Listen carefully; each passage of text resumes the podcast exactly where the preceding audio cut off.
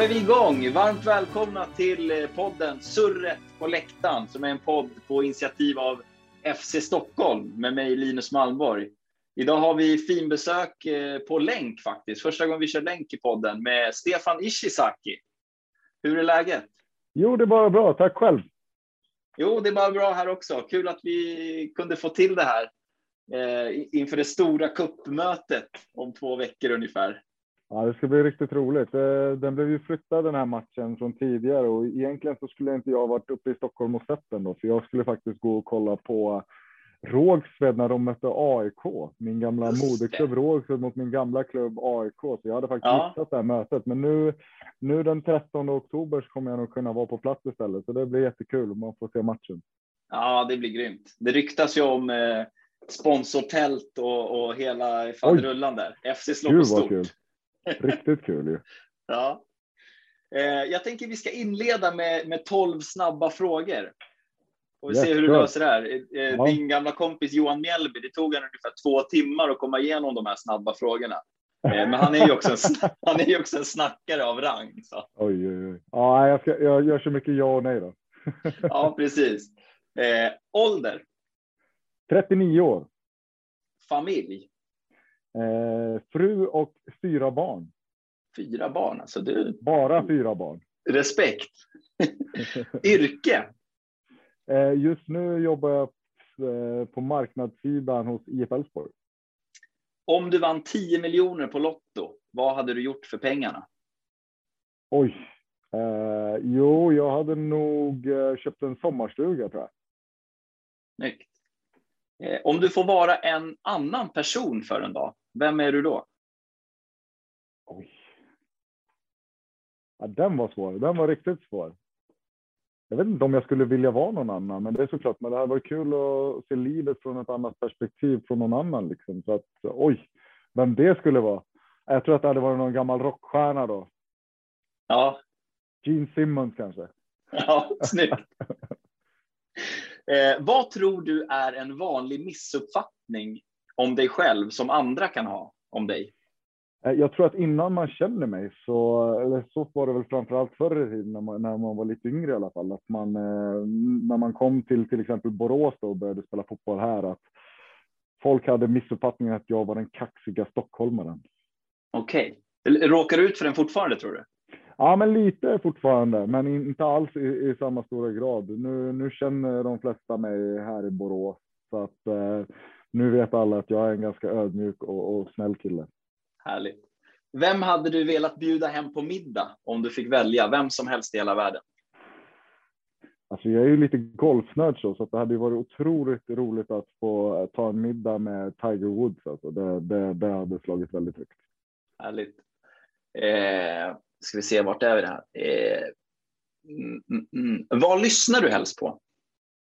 Oj, Uh, alltså, jag gillar att lyssna på väldigt mycket musik, uh, väldigt mycket olika musik. Men om det är någonting jag kommer tillbaka till igen så är det min, min 90-tals hiphop. Det, det, det, det går väldigt varmt. Är det Tupac ofta. och Biggie? Ja, visst, visst, visst. Jag blev väl egentligen kär i jag var inte en jättestort Tupac-fan i början, utan det var, det var Biggie Small som gällde. Uh, Notorious B.I.G. Uh, först och främst, men nej, Tupac också. Tupac har växt och är otroligt bra. Så ja, att, nej, det är mycket sånt. Mycket 90-tals hiphop. Vad gör du helst en ledig dag? Spela golf eller med familjen. Det är mina två, två favoritgrejer. Ja, hur känns det nu? En liten följdfråga på den. En ledig dag nu när du har lagt skorna på hyllan jämfört med innan. Hur, hur är känslan när du vaknar på morgonen? Oj, Eh, nej, men nu, nu vaknar man ju lite tidigare även på en ledig dag. Eh, då ska man ju upp med familjen och käka frukost och, och mysa. Eh, förr i tiden då var det väl att man kanske sov någon timme extra, kanske gick upp och käkade frukost. Sen kanske man hamnade i sängen igen och kollade på någon film eller något. det, det händer inte så ofta längre, så det är väl en väldigt stor skillnad. Eh, man försöker hinna med mycket mer nu för tiden än, än vad man gjorde då. Då kunde en ledig dag vara, framförallt när man var fotbollsspelare, bara vara slappa, slappa i soffan, slappa i sängen. Det, det finns inte tid för nu. Nej. Om du skulle tipsa om en tv-serie eller film, vilken och varför? Oj. alltså för mig fortfarande, jag tycker första säsongen av Prison Break var helt fantastisk. Eh, sen så är jag ett superstort fan av Seinfeld också. Jag tycker att det, det är så här klassiskt tidlöst. Eh, så att eh, ja, det, det, är väl någon av dem. Jag skulle nog säga Seinfeld ändå. Ja.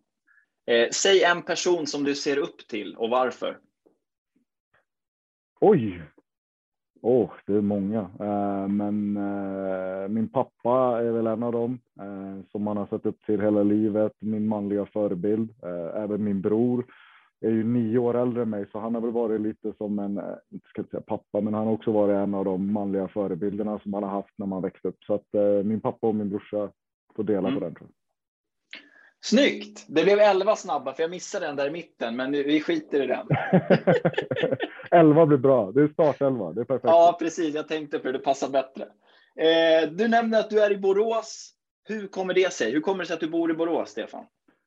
Det, det började väl egentligen. Eh, spelade fotboll i AIK, var en sväng i Genoa, Italien, och sen var jag en sväng i Vålerengen i Norge. Och min tid i Vålerengen blev väl inte riktigt som, så som jag hade hoppats på. Jag var ju lite stjärna i u landslag i Sverige och spåddes väl att gå till en storklubb och sen så när jag åkte ur allsvenskan med AIK, då stod jag helt plötsligt. Eh, ja, AIK behövde pengar, eh, behövde sälja spelare. Vi var några stycken som hade lite marknadsvärde som man försökte bli av med då eh, för att rädda ekonomin eh, och jag var väl en av dem. Eh, då hade väl jag räknat med kanske att det skulle komma en hel del roliga klubbar om man skulle kunna välja på, men eh, till slut så landade på Vålerengen som jag ändå tyckte var ett väldigt bra alternativ för mig. Eh, de skulle, de hade kommit tvåa året innan, skulle spela Champions League-kval och grejer, så det, det, var ändå en väldigt spännande utmaning. Eh, men min tid där blev inte riktigt som jag hade hoppats på. En del skador och sjukdomar gjorde att jag hamnade utanför startelvan allt för ofta. Eh, och då hade jag under min tid när jag precis kom till Genoa, då fick jag lite hjälp av Stefan Andreasson som var sportchef i Elfsborg då, för han hade haft samma president som jag hade haft när han spelade i Italien i Como. Så då var han nere och hjälpte mig i början med att fixa lägenhet och bil och mobil och alla sådana här småsaker innan eh, för att, för att komma in fort i det. Så då lärde jag känna Stefan Andreasson och sen helt plötsligt när det inte gick så bra för mig i Vålerengen och ja, man började väl längta bort lite och då tog han faktiskt kontakt med mig i helt rätt läge och frågade om inte jag var intresserad av att komma till Elfsborg och då la jag på i örat på honom. Men eh, han fortsatte ihärdigt att ringa eh, och det var väl tur det för att det gjorde att jag till slut hamnade i i Elfsborg då eh, 2006 eh, och 2007 träffade jag eh, Helena som numera är min fru som är en Boråstjej så att eh, därav har jag blivit boråsare. Min fru är boråsare. Jag har spelat ja, eh, tio år och lite till i Elfsborg så att det blev ganska naturligt att, att vi blev kvar här nu. Ja.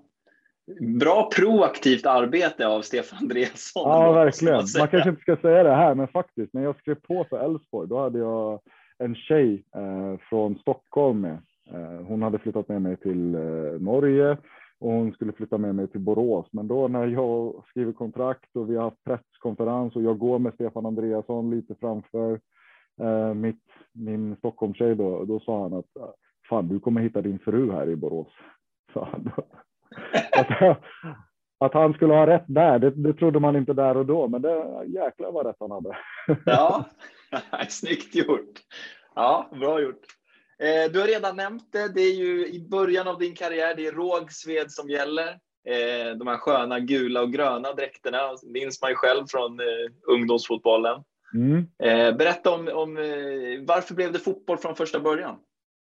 Alltså från första början, jag var väl, när jag var riktigt ung och man gick på dagis, då var väl inte jag så intresserad av fotboll. Jag tyckte, min pappa alltid varit väldigt intresserad av tennis och tyckte tennis har varit roligt. Så att ofta var det att man försökte spela tennis med honom så. Eh, men sen var det min bästa kompis. Hans pappa eh, skulle bli eh, tränare för någon fotbollsskola i Sköndal.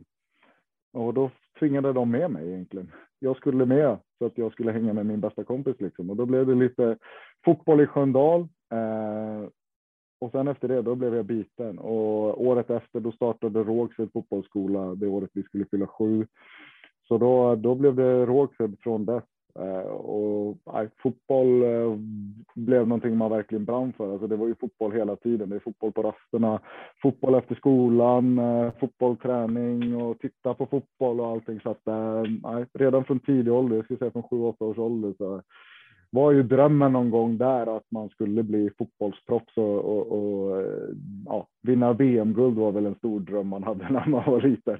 Ja, Ja, snyggt. Jag har minnen faktiskt. Kommer du ihåg eh, att Expressen eh, täckte ju, de följde ju rätt bra alla Sankt Erikscuper ja, när man var liten. Liksom. Ja, eh, jag har minnet av att du är med på en bild där. Det är ju först efteråt man har tänkt på att det var du, men när du har Rågsved, det måste vara sista, sista tiden i Rågsved. Liksom, när ja, det du. Ja, du skulle iväg på något landslagsuppdrag med ungdoms P15 eller vad det kan ha varit. Liksom, så. Det var väl sista året egentligen och, och det sista året där, då tillhörde jag väl både A-laget i Rågsved och spelade med eh, pojkar 82 då som jag är. Eh, och vi hade ju Stefan Billborn som tränare.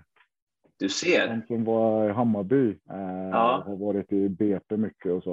Eh, så han startade sin tränarkarriär samtidigt som jag startade min fotbollskarriär kan man väl säga. Så från eh, vad kan det varit 11, 10-11 års ålder så började han träna oss i Rågsveds 82 och ja, gjorde många av oss till riktigt duktiga fotbollsspelare. För vi var flera stycken som var med och nosade på både stadslag och ungdomslandslag. Då, så att, eh, han gjorde ett otroligt bra jobb med oss. Eh, så att det är väl egentligen han, han som eh, har gjort så att jag har blivit så bra fotbollsspelare som han har blivit. Ja, vad kul. Det hade jag ingen aning om. Kul. Billborn. Jag, fick, jag trodde han började i BP. Det var min uppfattning. Ja, nej, han, han, han, började faktiskt i, i Rågsved 82 och sen så när, var det, han gjorde väl fyra eller fem år där eh, och sen så efter det gick han till BP. Eh, ja. Och vi mötte faktiskt i Sankt Erikscupen mötte vi Gröndal eh, där Micke Stare var tränare för Gröndals 82 också. Så där är ännu mer intressant kuriosa. 82-kullen, alla samlades där. Bojan ja, stötte du väl på under tiden i Ja, exakt. Jo, men det gjorde man verkligen. Ja. att, uh, Härligt. Eh, sen blev det AIK. Berätta, hur gick tankarna där när du gick till AIK som, som ung fortfarande? Ja, men det började väl egentligen från det året jag fyllde 14. Då började i stort sett alla Stockholmsklubbar höra av sig. Allt från eh, ja, egentligen alla storklubbarna, Djurgården, AIK, Hammarby, Vasalund, Brommapojkarna, Tyresö var också med. Så det var alla var och ryckte in och ville att man skulle komma dit och, och spela. Eh, jag valde då att, att jag skulle ta ett år till i Rågsved eh, för att eh, jag tillhörde A-truppen då. Och så jag tänkte att ett, ett, år i division 4 kanske skulle göra mer för mig än att gå till ett ja, ungdomslag i vad heter det, någon av storklubbarna. Så jag tänkte att ja, men jag ska göra ett år i Rågsved så får vi se vad som händer efter det och det gick jättebra. Spelade ordinarie i division 4, gjorde 11 mål på 12 matcher, kom med i pojklandslag. Ehm, så året efter det, då, då var det bara att välja och vraka, men då var det ju att ja, egentligen AIK, Djurgården och Hammarby var väl det som var mest intressant. Träffade alla klubbar, men i slutändan det som gjorde det för mig var att Stuart Baxter som var tränare i AIK då, de var ju mitt uppe i ett guldrace i slutet på 98. Eh, och ändå så kom han och såg mig i en division 4-match. Eh, och när vi väl träffades sen så la han upp en plan för mig och sa du, jag vill att du kommer till AIK. Nästa år blir CH-lära och sen från, sen från år 2000 då vill jag att du ska vara med och konkurrera eh, om en plats. Ja. Eh, så det, det, blev ett ganska enkelt val för mig, för både i Djurgården och Hammarby så var det, då skulle jag vara halva tiden i U-truppen och halva tiden med A-laget, medan i AIK var det bara A-laget och en tränare som, ja, som hade varit och sett mig och som gjorde upp en plan för mig. Så att, eh, valet var ganska självklart. Mm. Grymt, kul att höra eh, alltså att, att sådana grejer spelar roll. Liksom. Eh, och det grämer ja, sig nog de andra klubbarna över att de inte skickade ut någon. Liksom. Ja, exakt. Men sen så, jag vet att många, många går på pengar redan i ung ålder. Men jag får så här många mer tusen om jag går till den klubben. Och I AIK fick jag nog lägst lön av alla. Plus att i slutändan när jag satt och förhandlade så sa jag, ja men då vill jag ha ett sånt SL-kort eh, betalt också. Och de sa, nej, det kan du glömma. jag fick inte ens det hos AIK, men eh, nej, jag valde AIK ändå och det är jag väldigt glad att jag gjorde. Ja, härligt. Eh, sen är det ju faktiskt i AIK, eh, ja, fem och ett halvt, sex år liksom framåt där. Mm. Hur upplever du de, de åren?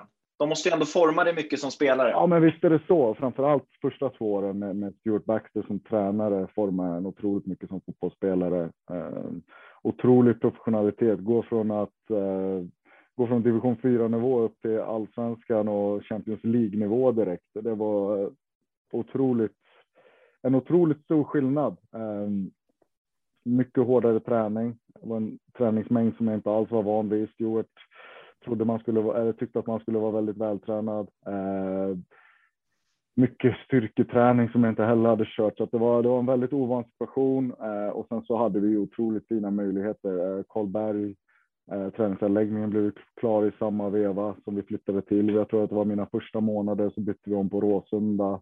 Eh, men från april någon gång i 99 så flyttade vi in eh, på Karlberg och just allting med den faciliteten var ju det var ju wow för mig. Det var eget gym och det var matsal och det var förberedelser med, med sjukgymnaster och allting. Så att eh, ja, det var som att gå från noll till hundra för mig. Otroligt proffsigt, otroligt bra och Stuart Baxter som tränare var otroligt noggrann och, och jag tycker väldigt, väldigt professionell, väldigt duktig. Så att eh, just de två åren var otroligt viktiga för mig. Där växte jag väldigt mycket som, som fotbollsspelare. Sen så från 2001 och framåt eh, var det ganska bumpigt och väldigt upp och ner både för laget och för mig. Eh, det var tränarbyten här och var. Eh, Olle Nordin gick ju in i väggen och blev utbränd och vi fick Peter Larsson. Sen så bytte vi och fick Richard Money och sen så fick han sparken och då blev det Patrik Englund och så att det var en väldigt, oj vi hade Dusan Orin där, den tjeckiska tränaren emellan också så att det var, nej, det var en väldigt tränarkarusell där ett tag som gjorde det väldigt ostabilt i klubben och så som ung spelare man liksom man vill visa upp sig från sin bästa sida och liksom helt plötsligt så ska man börja om från noll med en ny tränare. Så att, eh, det var en tumultperiod och det syntes väl också på resultaten för, för våran del. Eh, där vi kom allt från trea till femma under den perioden när vi egentligen hade ett lag som kanske skulle varit med och krigat om SM-guld varje år egentligen. Mm. Eh, och sen så kom försmädliga 2004. För mig var det ett började året väldigt roligt. Jag blev proffs i Genoa. Eh, jag berättar lite om det, för den är ju lite, det är ju lite speciell eh, variant av övergång. Man säger. Du blir väl utlånad till och med? Ja, eller hur? Ja, det, ro, det tråkiga där var ju att jag var i stort sett klar för Anderlecht. Jag var nere och egentligen skulle bara skriva på papper då deras tränare i sista stund ångrade sig och ville inte ha en, vänster, eller en högerfotad vänstermittfältare så äh, jag blev hemskickad. Jag var där för att skriva på papper men blev hemskickad. Eh, och sen slutar det ändå med att Chippen Willemsson går över från högermittfältaren och spelar vänstermittfältare resten av året. Så att då, då blev, blev ingen vänsterfotad eh, vänstermittfältare ändå, så att eh, det var lite tråkigt. Men eh, sen så kom Genoa in eh, och ville låna mig med köpoption. Eh, gick väl väldigt tungt i början, blev inte riktigt spelklar i början heller så att jag, jag kunde inte börja spela matcher egentligen förrän i februari. Eh, och sen så, uh, det var tufft, tufft med språket. Vi hade en tränare och alla kring organisationen. Det var ingen som pratade engelska utan det var bara italienska på träningarna hela tiden, vilket var ganska tungt i början. Men det tog, tog väl någon månad eller en månad. Sen så var man väl inne i det också och förstod allting på träningar och så. Men eh, vi hade en trupp på efter januari så hade vi nog en trupp på 42 man tror jag, så att eh, det var extrem konkurrens. De hade försökt bli av med en 10 spelare. De ville ha ner det till 30 ungefär, men vi, ett, ett tag var vi 42 i träning så det var ju. Hur, fan, hur, hur, löser de träningarna då liksom? När det är så mycket folk? Ett, ett tag, då var det ju att 10 man tränade själva på en konstgräsplan bredvid oss. De fick ja. inte vara med i träning.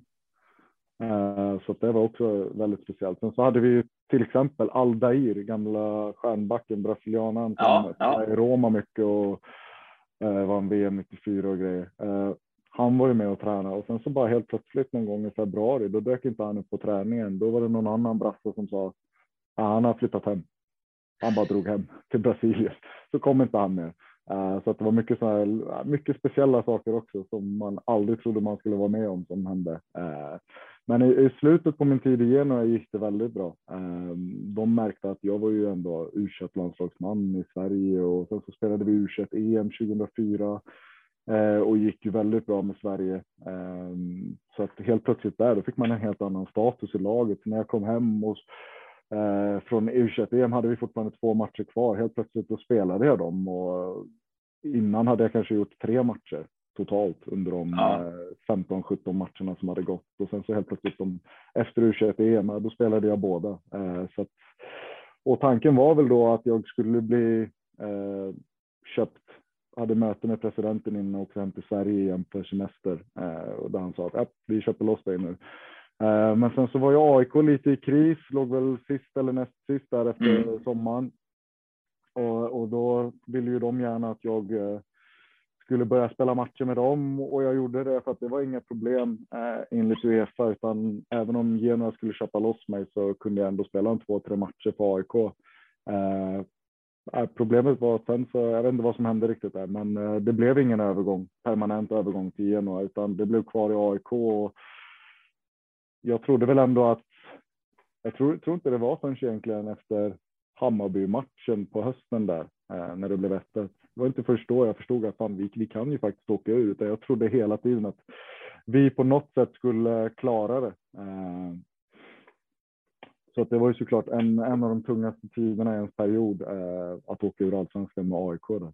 Eh, och sen så som jag sa, då blev det Vålerenga efter det.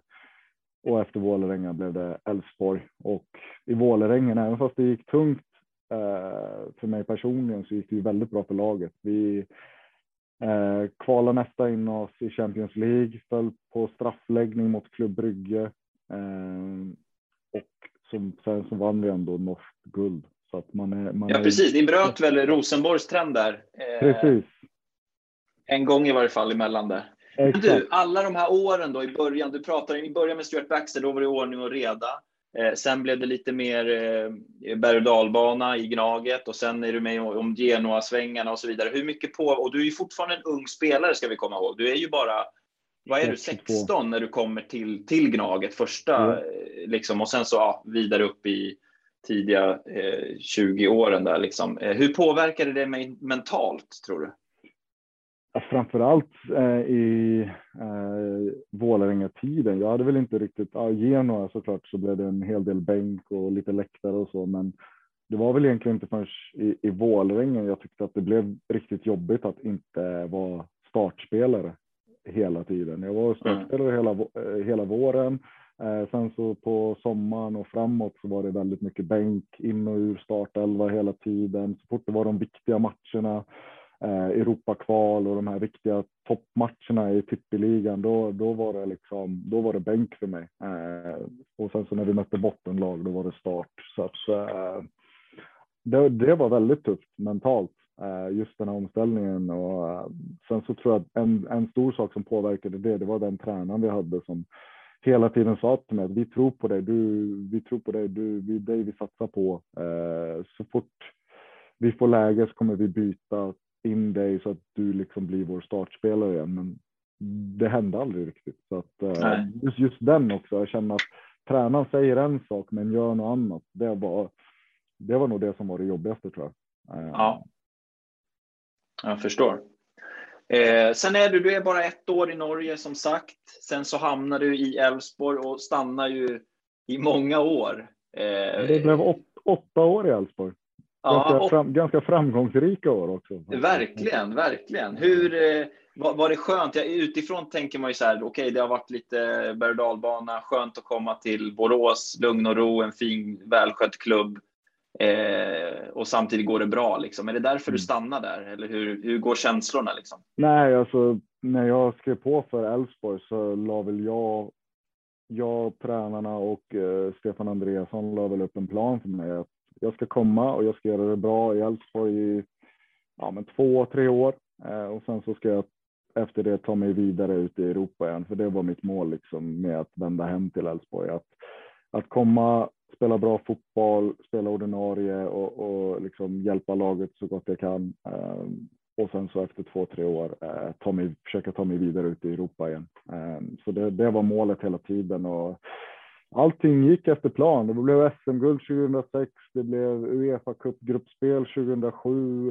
Eh, vi slog som guldet 2008. Det var stor mellan oss och Kalmar och sen så med fem omgångar kvar eh, så bröt jag knäskålen eh, och blev borta sex månader där. Eh, och i samma veva där, precis på sensommaren, då höll jag på att bli klar för en holländsk klubb. Eh, Elfsborg tackade nej till det budet för det var inte tillräckligt bra men sa att för de pengarna kan ni få köpa loss honom eh, efter säsongen när han har vunnit SM-guld åt oss.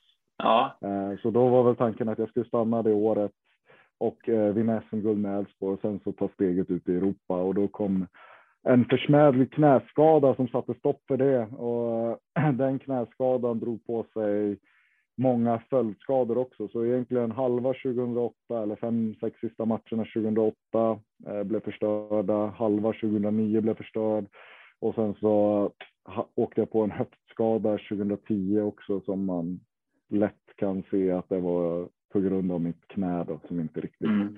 riktigt blev bra. Eh, så halva 2010 blev också bortförstört. Så det var väl egentligen från 2011 sen som jag ja, blev fullt frisk och började spela ordinarie fotboll liksom hela år. Um, och där gick det också väldigt bra. Jag tror vi slutade trea i allsvenskan och var på väg in i Europagruppspel där också. Uh, och sen så kom 2012 då vi vann SM-guld igen. Mm. Och mitt sista, mitt sista år i Elfsborg innan jag gick till LA Galaxy så uh, blev det Europa League-gruppspel igen. Just det. Att, uh, under de här åtta åren så var det väldigt många eh, toppplaceringar i allsvenskan. Det blev två SM-guld och det blev två Europagruppspel så att eh, förmodligen den, eller det, den framgångsrikaste tiden i Elfsborgs historia och eh, för min del otroligt roliga fotbollsår för vi spelade en inte nog med att det gick väldigt bra, vi spelade en enormt rolig fotboll också, en väldigt underhållande fotboll. Så att eh, väldigt nöjd och stolt över de åren här. Det förstår jag verkligen. Det, det var grymt. Det var, kom ihåg, det var underhållande, och, precis som du säger, att titta på Elfsborg under de åren. Det var Kanske inte att möta oss dock. Nej, det var ju... Det var lite... ja, det, där fick du in den fint för lyssnarna. Ja. Vi, vi, möttes 2012. Eh, jag kommer ihåg borta matchen i Borås när Anders Svensson får till en riktig pärla och dunkar upp den i Hugossons eh, kryss, eh, vad jag minns det. Eh, vad fint. Eh, nej men okej, du stannar till 2013, men sen får du ändå eh, ett till utlandsäventyr ja. eh, i LA Galaxy. Vilken jävla grej. Berätta, hur, hur kommer det sig? Nej, alltså egentligen så var det väl att jag hade några erbjudanden från MLS redan efter 2011 säsongen. Eh, det var en två, tre klubbar som var intresserade då och jag kände mig inte riktigt redo då, för jag kände fortfarande att fan, jag kanske, jag kanske har chansen att komma ut i Europa igen om, om det skulle vilja sig väl och, eh, och det skulle gå bra för mig och du vet, man har en bra säsong och gör en, ja, men en tio mål och en tio ass någonting. Då, ja, eh, det var inte riktigt där då. Så efter 2012 gick det otroligt bra. Då var det ju den där säsongen. Då hade jag väl en 8-9 mål och en 12 assist eller något. Eh, så där hade man väl kanske hoppats på någonting. Eh, men ändå så blev det ju Europaspel med Elfsborg året efter och sen så bara, jag hade väl, jag ska inte säga att jag hade gett upp det, men jag hade inte hört någonting, någonting från min agent om några klubbar som var intresserade eller något. Att jag laddade väl egentligen för att börja, börja en ny säsong med Elfsborg eh, 2014. Och då helt plötsligt så ringer min agent och säger LA Galaxy vill ha dig. Du, de behöver svar. Du måste vara där om en vecka. Eh, och ja, vi hade precis fått vårt första barn då. För, vår första, eller vår äldsta son då var, vad var han, två veckor. Ja. Och då skulle jag ta ett beslut där och då om att flytta till andra sidan jorden liksom. Eh, så det var, det var tufft, men samtidigt så var det ett så pass roligt äventyr så att det var, det var svårt att säga nej till och jag försökte förklara för frugan att antingen ska du gå mammaledig och gå i snöslask här i Borås med barnvagnen eller så kan du gå på stranden i LA. Uh, ja. Det var min, det var min sell, selling, Det var din pitch. ja, exakt. Selling pitch. Uh, nej, det funkar inte riktigt, men hon är så snäll och, så härlig så hon sa att om det här är det du vill så, så gör vi det. Så att uh, jag, jag fick mitt äventyr och det blev minst sagt ett bra äventyr. Det blev väldigt bra på fotbollsplan. Vid sidan av otroligt bra också. Eh, LA var en fantastisk stad, eller i alla fall där vi bodde. Redondo Beach var helt grymt. Eh, och sen så som sagt att vi vann MLS cup guld också och eh, i året efter på, i februari så fick man åka till Vita huset och träffa presidenten också så att eh, det, det fick väl kröna hela det här äventyret på något sätt. Ehm, ja. Och sen så under den, ja, under den perioden där, då fick vi reda på att vi var gravida igen, eller min fru var gravid igen och den här gången med tvillingar. Och då kände vi att nu kan vi inte bo med tre, med tre barn. Då kan vi inte bo på andra sidan jorden längre, utan nu kommer vi behöva hjälp från vår familj. Så då bestämde vi oss, eller då gick jag och frågade klubbledningen i LA Galaxy om inte det gick att bryta kontraktet för att jag kände att av familjeskäl att vi behövde bo i Sverige igen för att få hjälp mm. antingen i Stockholm eller Borås. Uh, och då blev det, blev det AIK igen. Ja, precis. Vi kan avrunda din karriär lite. Det blir Gnaget ett par säsonger, eh, tillbaka till Karlberg och så vidare. Och sen blir det ju även ett par säsonger till i Elfsborg innan du avslutar säsongen efter säsongen 2019. Precis. Eh, då blev det skorna på hyllan efter 2019. Då blev det skorna på hyllan. Men du är kvar i Elfsborg. Säg några ord om vad, vad är det du gör på marknadssidan idag? Nej, men det är väl mot sponsorer. Eh, sälja in sponsorpaket, sen så hjälpa till att hålla i event. Eh, ja, egentligen allting som rör med sponsorer egentligen eh, är jag med och hjälper till med. Eh, allt från eh, Elfsborgs golfturnering till paddelturnering till vi har någon företagsfotboll på torsdag morgnar, vi har företagspaddel fredag morgnar. allting som har med skyltar att göra på arenan och så vidare. Så att marknad helt enkelt. Ja, är det kul? Ja, jättekul. Alltså man träffar ju så otroligt härliga människor varje dag och, och sånt är ju väldigt inspirerande att liksom få möta duktiga företagare eh, och sen så få, få hjälpa dem med saker och liksom kunna nätverka på, på ett bra sätt här i Borås. Otroligt roligt. Ja, det känns ju som att, i varje fall utifrån, utan att veta för mycket, att det, det är det finns engagemang för Elfsborg i Borås. Det, ja, men det, det är, ja. det är någonting som är en, en styrka här i Borås, att vi har ett väldigt starkt eh, företagsklimat, att det är väldigt många stora företag här i Borås eh, och att i stort sett alla är Älvsborgare eh, mm. och vill vara en del eh, med oss. Eh, så att väldigt, väldigt tacksam uppgift ur den synvinkeln då att, att det finns väldigt många företag och att de flesta företagen gillar Älvsborg också.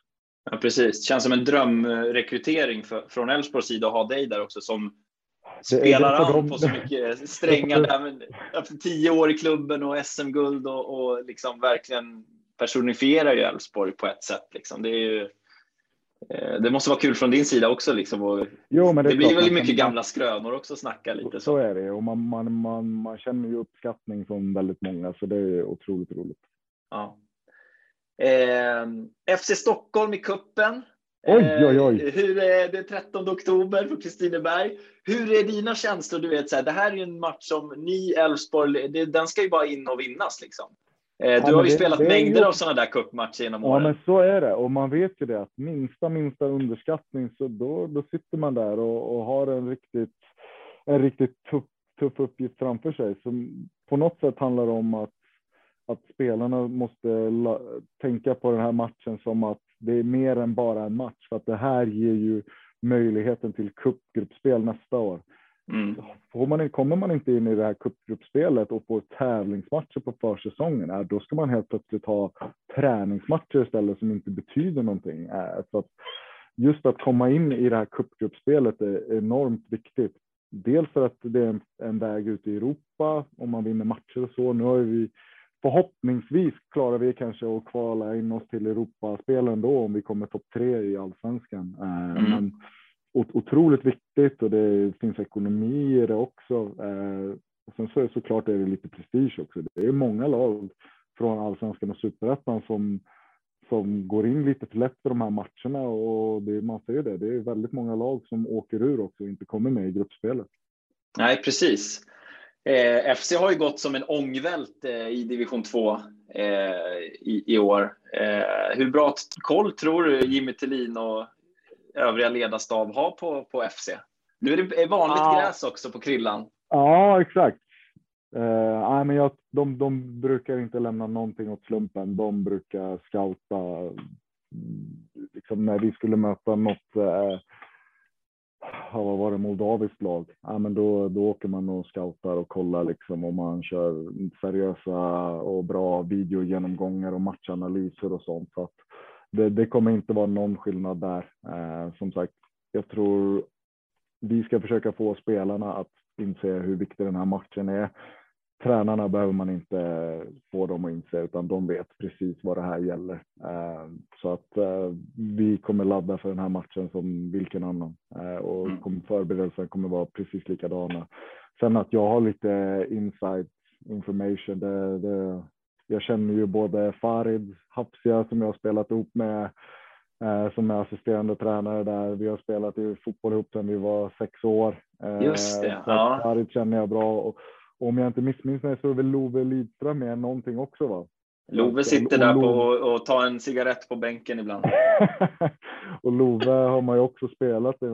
Om jag har spelat ihop med Farid sedan vi var sex år så har jag mött Love sedan vi var sex år. Så att, eh, man, man, man har lite koll. Just för att man känner de två i klubben har man ändå haft lite koll på FC sedan tidigare. Ja, grymt.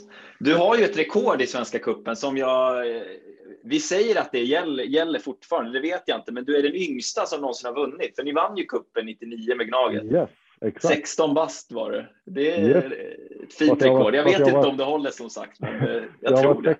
Jag var 16 år och 360 dagar eller något tror jag. Så ja. jag nä, nästan 17. Nästan 17. Ja, nej, det är fint att ha. Eh, till sist, eh, Ishi, eh, du är tvungen att svara på den här frågan.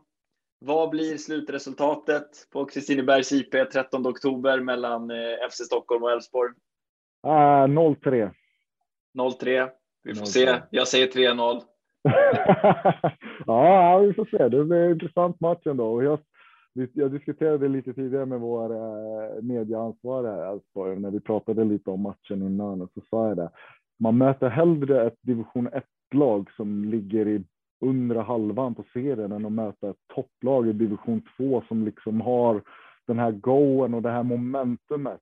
Eh, så att jag, jag, är väldigt säker på att det inte kommer bli en enkel match. Även om jag tippar 3-0 till Elfsborg så vet jag att det här kommer absolut inte bli någon enkel match för att eh, FC har, har, varit bra i år och ja, det, det finns inga sådana enkla cupmatcher. Jag vet själv, vi mötte eh, Gautjob för om det var tre eller fyra år sedan som också var division 2 då och den, den matchen gick till förlängning och ja, vi vann till slut med 3-1 men det var två mål i förlängningen som gjorde det. Så att, eh, ja. ja. man vet det. Det, det, det blir tuffa matcher ändå. Absolut, det blir intressant. Eh, tusen tack för att du tog dig tid. Eh, vi hoppas att vi ses eh, nästa onsdag. Exakt, det hoppas ha jag. Ha det så bra. Tack så mycket. tack så mycket. Ciao. har hittat hem